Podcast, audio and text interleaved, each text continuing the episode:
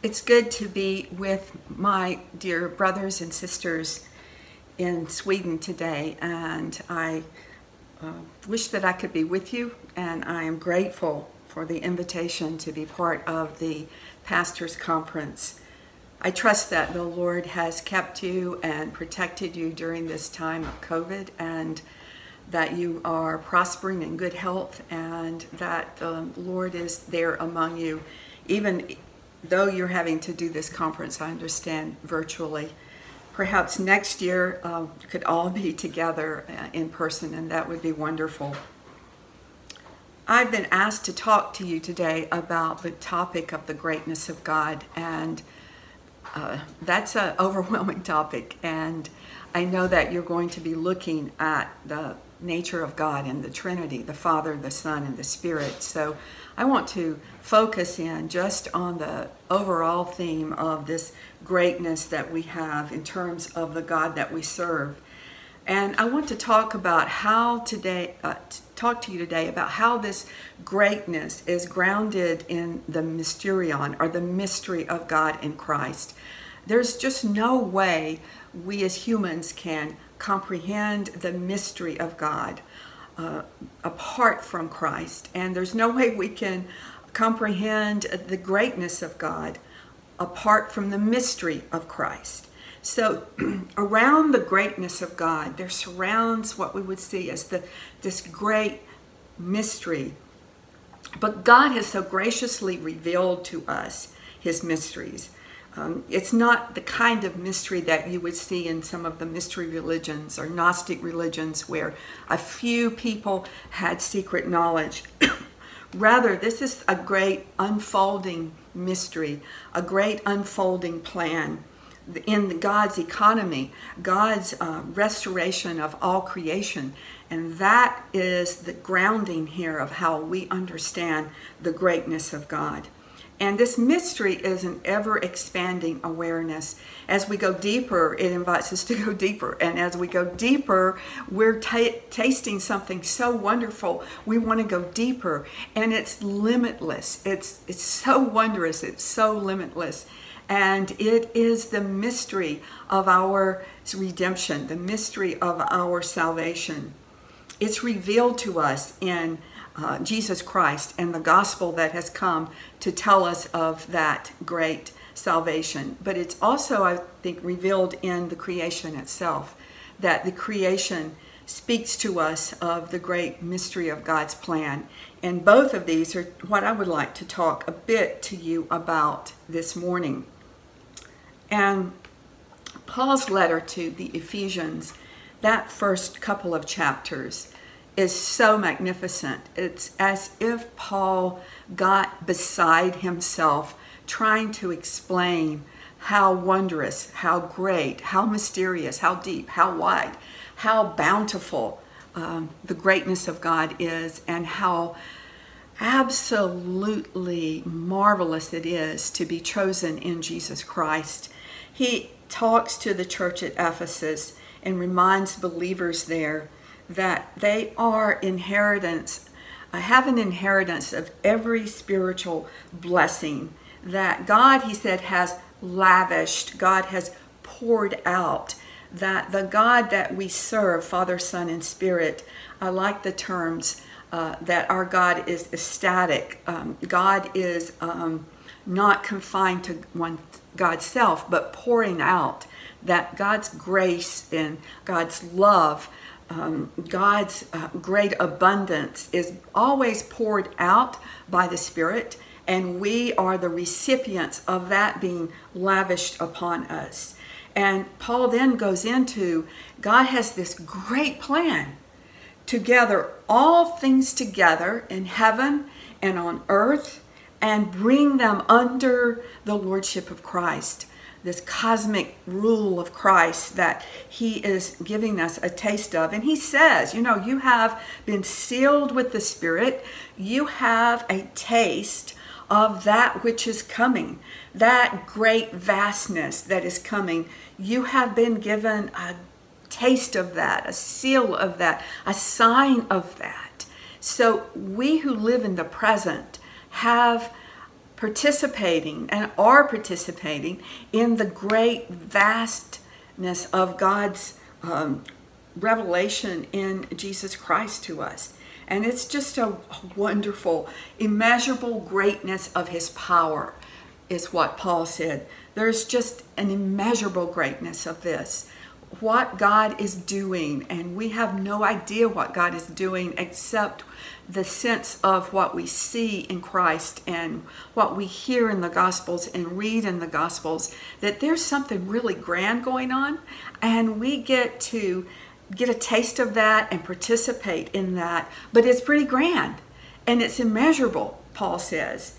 And um, it's so powerful that it raised Jesus from the dead, giving him dominion over all things. And the all things is something that we need to ponder and pray over. Like, what does Paul hint at here? That all things, sometimes we have a very small view of salvation, a small view of the atonement, a small view of what God is up to. So we think sometimes that God is here to save our souls and just rescue us from the world and take us to heaven. But Paul is saying that's not what's happening. God is up to something so immeasurable, so great. And our redemption is a part of this big, large cosmic redemption. We and all things are being redeemed. And uh, it's the most glorious thought that there is some magnificent scope at work, and we are allowed to participate in that. That it involves resurrection from the dead, it involves a new creation, and that Jesus is um, the firstborn of this new creation. And this plan, Paul said, was hidden, a mystery hidden in the ages, um, for ages in which God created all things. And this is uh, something that is now being revealed. It was seen by the prophets. It was seen in ways that they could catch glimpses of it. But now we are having that revealed to us by the Spirit as the Spirit brings to us Christ, the living Christ. This is a great vastness of God. Um, it's just too much. Yet uh, we can see glimpses of that too, uh, that sense of the too much and how we are to uh, relish and participate in that too muchness of God that is being poured out to us and overflowing. So as we receive this greatness and giftness, um, it then pours out of us. And as we have it lavished upon us, we lavish it upon the world. So I like to see that we're like portals of what God is doing in the world and in the creation. And God is pouring out His love um, in us and through us, not just in us, but through us, that God's at work there doing something wondrous in our lives. This great vastness can be seen in the creation itself, and you know that's um, a, a bit difficult to comprehend, I believe, sometimes in terms of uh, I just was looking online like what's the size of the universe? And um, just can't comprehend that. And the Milky Way, they say, is now 100,000 light years in breadth, and there are 100 billion stars in our galaxy alone, and 100 billion planets in our galaxy. And it's possible there are 2 trillion galaxies. So I, I cannot fathom um, this vastness of creation that came forth out of God's Word, the very Word of Jesus Christ, the uh, pre incarnate Word that spoke and that held um, the creation in its uh, very being. So we have this vastness that is ever expanding, and it, the Word of God that just kind of holds that together, not only giving it life, but as Paul said, in his sermon on Mars Hill, holding all things together, that all of us live and move and have our very being in this Word of God, the pre incarnate Word and the incarnate Word, and the Word of God that continues to go forth by the power of the Spirit. So the same Word, uh, the power of that Word that brings salvation to us, is the same power that sustain, creates and sustains the universe. It's this magnificent Word of God. And we sometimes live with lack of awareness of that. We so divide the worlds between the supernatural world and the natural world. But in God, there is no natural or supernatural. Uh, there is um, the world of God. And I wish that we as Christians could, in some ways, recapture what that's like to live in the vastness of God's creation, being held in the creation and living in harmony with this creation, singing with this creation, at the same time being thankful that we have been redeemed from sin and that we have a promise of the resurrection and that this creation itself is groaning and that we are groaning with it. And we participate in the very deep depths of prayer that is at the reverberating throughout creation that the spirit is saying um, come come and longing for things to be completely restored, longing for this new creation. Jesus Christ, the firstborn of this new creation, is inviting us now to participate in that which is coming. And so sometimes I ask my students, how close is eternity? How close is the last day? How close is the new creation? Right here it's here, but we don't see it. And may God give us eyes to see. May God give us ears to hear. May God give us spirits that are uh, our spirit aware of joining ourselves in with the order of creation, longing for the coming of Christ, longing for the restoration of all things, so that we might uh, be prepared and ready and joyful and when it happens, but also live in that now. Just participate in that which is coming. We get to participate and live in that now. That's the great eschatological hope we have too, is that eternal life is now and we get taste of it. And then we're in the tasting room for that which is uh, coming. And Jesus Christ, um, I heard um, my friend Rich Mouw, who was long-term president of Fuller Seminary, say that um, Jesus Christ took the form of ancient stardust and redeemed all creation. So we who are made of dust, we are from the ancient stardust. That dust that we have came from that ancient time of the creation itself. And Jesus Christ took the form of the ancient stardust and redeemed all of creation in that. And I love to dwell upon that and to think of that. Um, and I was at a conference a few years ago where um, at the same conference we had uh, uh, the person, the woman who is was over the NASA's program of the Hubble telescope, and we had uh, Francis Collins, who at that time and still is over the National Institute of Health here in the U.S. Collins had led the team in the genome mapping of human DNA, and both of them spoke at this conference. And Collins got up and said that as he was mapping the most intricate details of human DNA, he worshiped God at the great vastness and power of God and the complexity of that.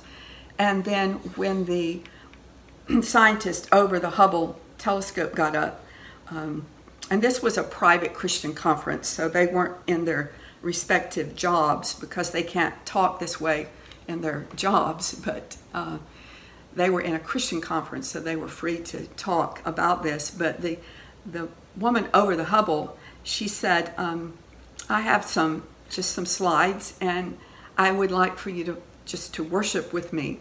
and then she projected uh, images that they had taken from the Hubble telescope. And uh, she would then say, This is so many billion light years away that we can see this, and this is that, and, and this the overwhelming vastness of the creation.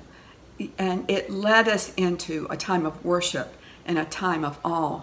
And I thought how wonderful that you had two um, scientists who were doing two different kinds of work one with the telescope, one with the microscope, but yet they were inviting us into worshiping uh, the Creator God. That was just an, a wonderful experience for, for me that day. And I want to kind of close out with the words of the Apostle Paul in the book of Colossians, where he talks about Christ and he says, He is the image of the invisible God, the firstborn of all creation. For in him all things in heaven and on earth were created, things visible and invisible, whether thrones or dominions or rulers or powers, all things have been created through him and for him. He himself is before all things, and in him all things hold together. He is the head of the body, the church. He is the beginning, the firstborn from the dead, so that he might come to have first place in everything. For in him all the fullness of God was pleased to dwell, and through him God was pleased to reconcile to himself all things, whether on earth or in heaven, by making peace through the blood of his cross. Amen. What a beautiful. I mean, we can just muse on that and that glorious um, prayer, been a, uh, adoration that Paul gave. Uh, just meditating on each line and the lectio divina form of reading scripture like just met i would suggest that you do that after or maybe during this conference just take this um, passage out of first uh, out of colossians 1 and do this lectio divina reading of it. Uh, take the first line. He's the image of the invisible god and just reflect and pray on that. And then the next line the firstborn of all creation uh, in him all things in heaven. And each line um, is a, a, a moment of praise and worship that we can experience. So God's plan, God's economy, God's economia is re, is vast. God is at work redeeming the old creation that is now groaning under the bondage that we feel that every day. Jesus, though, is our hope the firstborn from the dead, the first of the new creation, the new the family that he has now created. And he calls us the sisters and brothers. Jesus holds all things. In him we live and move and we have our very being. So thank you for giving me the opportunity to just spend a short amount of time with you today and to reflect upon this vastness of God, the greatness of God, um, the mysterion, the mystery of God. It is um, something that sustains us, holds us, gives us hope. And I love that by the power of the Spirit, we are plunged deep into that mystery. We are baptized into that mystery. We are held in that mystery. We are healed in that mystery. We are sanctified and filled filled with that great mystery. You know, when we're filled with the Spirit, we portend of that day when all things shall be filled with the Spirit. So, being filled with the Spirit is a sign, it is a witness of the day when all things shall be filled. That's a wonderful responsibility we have, isn't it? That to be filled with the Spirit, we walk as signs of that which is coming. And we can proclaim this beauty, this vastness, just as the Apostle Paul did. May the Lord bless you, keep you, and I hope that I can be able to see you in person sooner than later.